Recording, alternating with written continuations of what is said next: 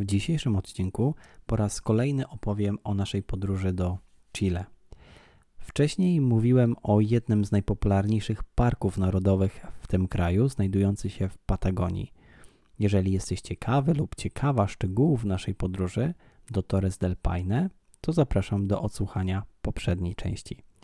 Tym razem skupię się na ogólnych informacjach o naszej wizycie w Chile, jak wyglądała podróż, a czym nas zaskoczyło samo Chile?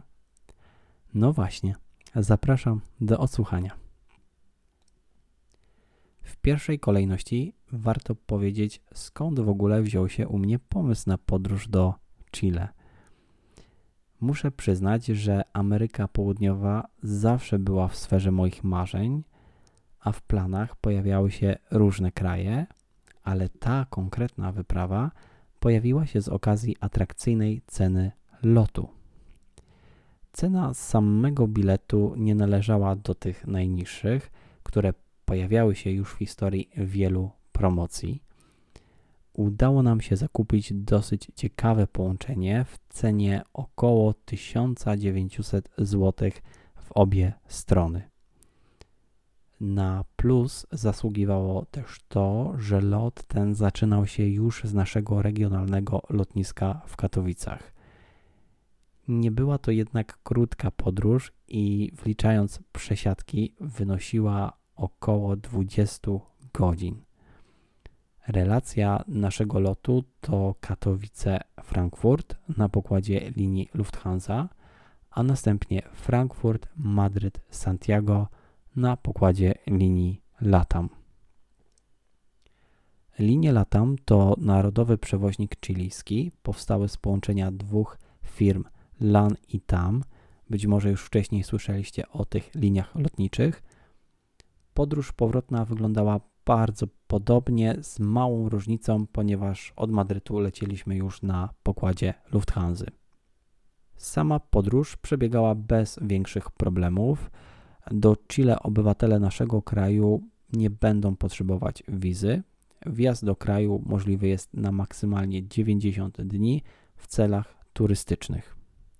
Oczywiście nie uwzględniam obecnej sytuacji. Stan na lipiec 2020 roku to nadal trwająca epidemia i brak możliwości standardowego wjazdu i pobytu na terenie kraju.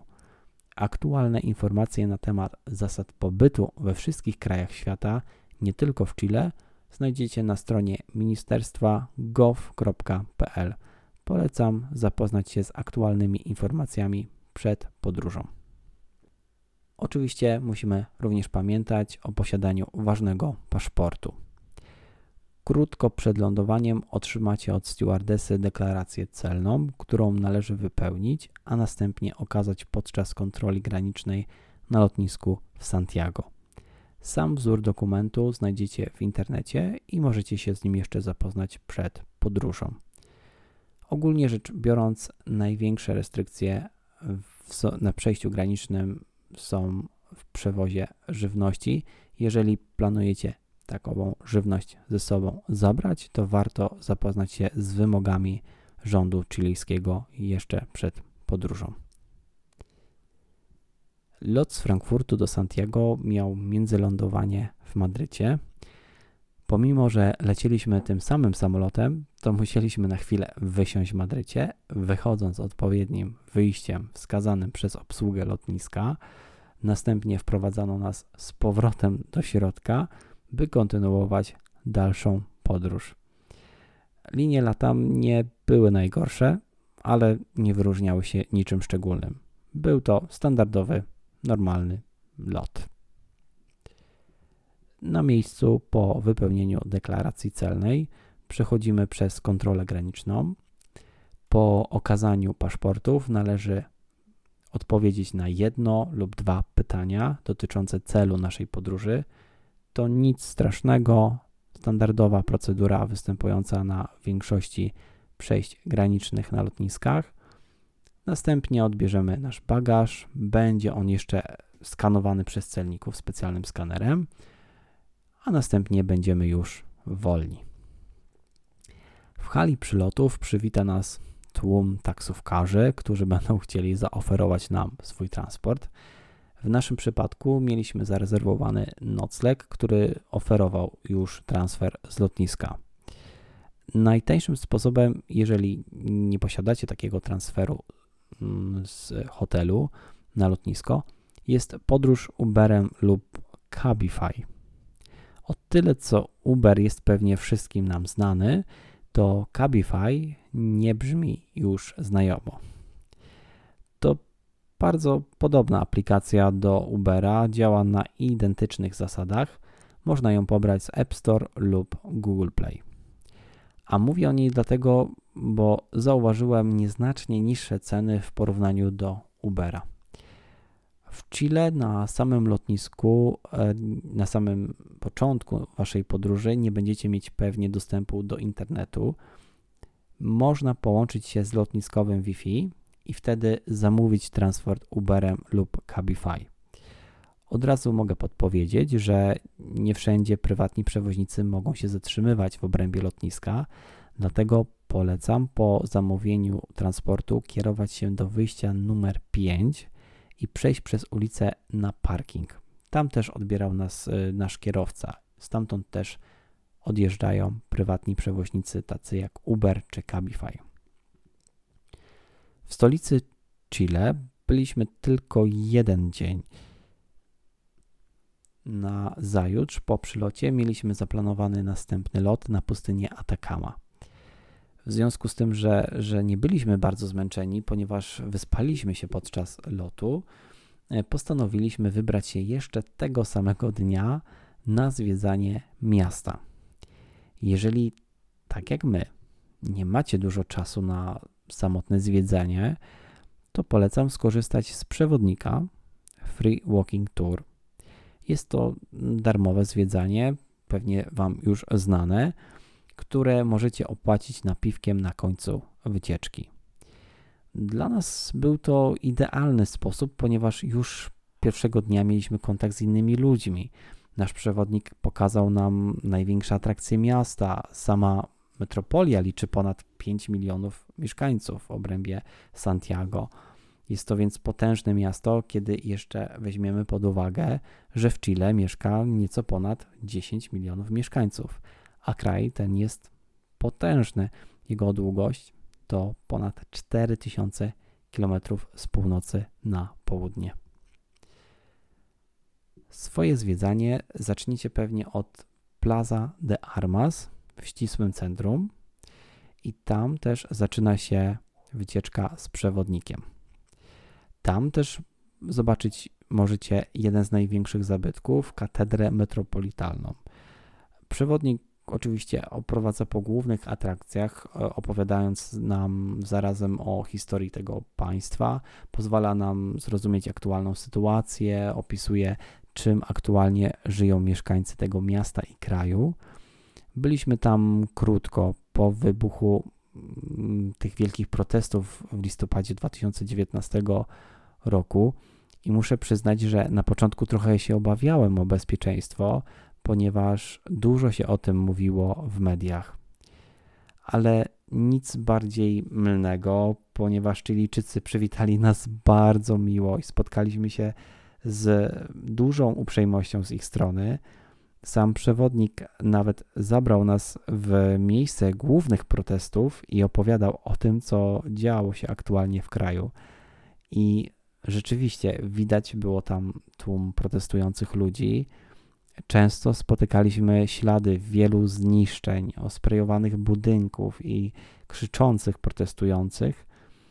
Mm, na szczęście nikt nie zaczepiał turystów i, i nie dało się odczuć jakiegoś niebezpieczeństwa. Najbardziej tutaj, jak dobrze wspominam, zaskoczyła mnie jedna rzecz. Zaraz za tym miejscem występowania protestów, praktycznie po drugiej stronie ulicy, znaleźliśmy się w dzielnicy Bella Vista, gdzie świat był zupełnie inny. Nie było to krzyczących ludzi, zniszczonych budynków, a wręcz przeciwnie, pięknie ubrani mieszkańcy, w tle grała muzyka, mijaliśmy wiele barów i restauracji i odkryliśmy zupełnie inny świat. To tutaj bawiła się bogatsza część mieszkańców miasta. I tak oto staliśmy się świadkiem tego, jak bardzo zróżnicowany jest ten kraj. Samo wejście do dzielnicy było strzeżone przez ochronę. Bardzo dziwna sytuacja i dała, dała dużo do myślenia, na pewno. W samym Santiago mm, na pewno warto odwiedzić takie miejsca jak wzgórze Świętego Krzysztofa, gdzie przed waszymi oczami będziecie mieli piękny widok na miasto. Naprawdę warto się tam wybrać. Dom Pabla Nerudy, poety chilijskiego laureata Nagrody Nobla, bardzo istotna postać dla Chilijczyków. Podczas zwiedzania miasta nieraz usłyszycie jego imię. Oczywiście Plaza de Armas, centrum miasta, o którym wcześniej wspominałem, gdzie wasza wyprawa na pewno będzie miała początek.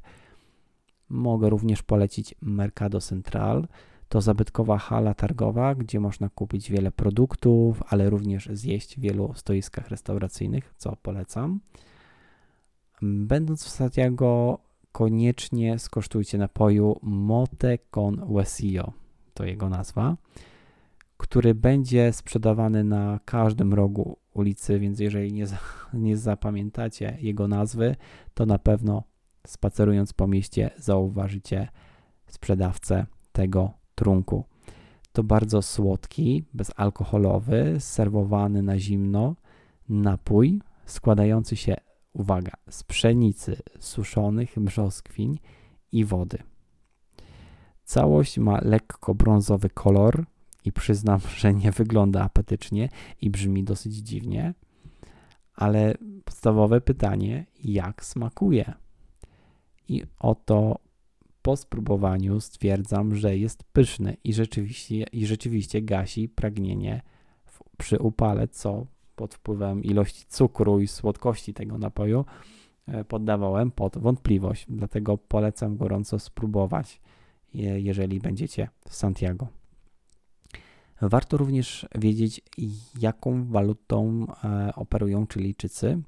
To, je, to jest peso, chilijskie peso, gdzie jedna złotówka stanowi około 200 peso. Pieniądze możecie wymienić na miejscu. Nie polecam tego robić na lotnisku, ponieważ tam kursy są znacznie gorsze. Za, ze sobą zabierzcie gotówkę w dolarach amerykańskich lub euro. Ja miałem ze sobą euro i nie było problemów z wymianą. Kantor znajdziecie w obrębie centrum. Wcześniej w internecie możecie poszukać opinii podróżników, osób, które odwiedzały dane miejsca, żeby znaleźć ten właściwy kantor, który ma najlepsze opinie, ale też najlepsze kursy. Będąc w Chile, musimy być również przygotowani na sposób porozumiewania się w obcym języku. Znajomość języka angielskiego nie jest tu popularna, nawet w stolicy. Jeżeli znasz hiszpański, pewnie ułatwi ci to porozumiewanie się podczas Twojej podróży. Choć warto też zaznaczyć, że hiszpański w Chile jest troszeczkę inny niż ten znany w Europie miałem okazję słyszeć od osób znających hiszpański, że mieli duży problem w porozumiewaniu się w Chile. Język ten ma wiele swoich własnych określeń i nazywany jest też często chileno, a, sam Chili, a sami Chilijczycy mówią dosyć szybko. To też da się zauważyć. W każdym bądź razie nie przejmujcie się, jeśli nie znacie języka. Na każdym kroku spotkaliśmy się z życzliwością ze strony Chilijczyków i zawsze na wiele różnych sposobów udało nam się porozumieć, a hiszpańskiego nie znaliśmy. Po wizycie w Santiago następnego dnia mieliśmy już lot na pustynię Atacama. Dosyć ciekawa sytuacja pojawiła się na lotnisku. Nasz lot był opóźniony o około 3 godziny. Jak się okazało, nawet na lotnisku ciężko było się porozumieć po angielsku i usilnie próbowaliśmy pozyskać informacje na temat lotu. Na szczęście z pomocą innych pasażerów udało się uzyskać informacje, ale nawet na lotnisku nie było tak łatwo z językiem angielskim, co mogłoby się wydawać oczywiste. O samej Atakamie będę chciał opowiedzieć w osobnym odcinku, ponieważ to jest bardzo ciekawy temat i dużo przydatnych informacji na pewno warto przekazać.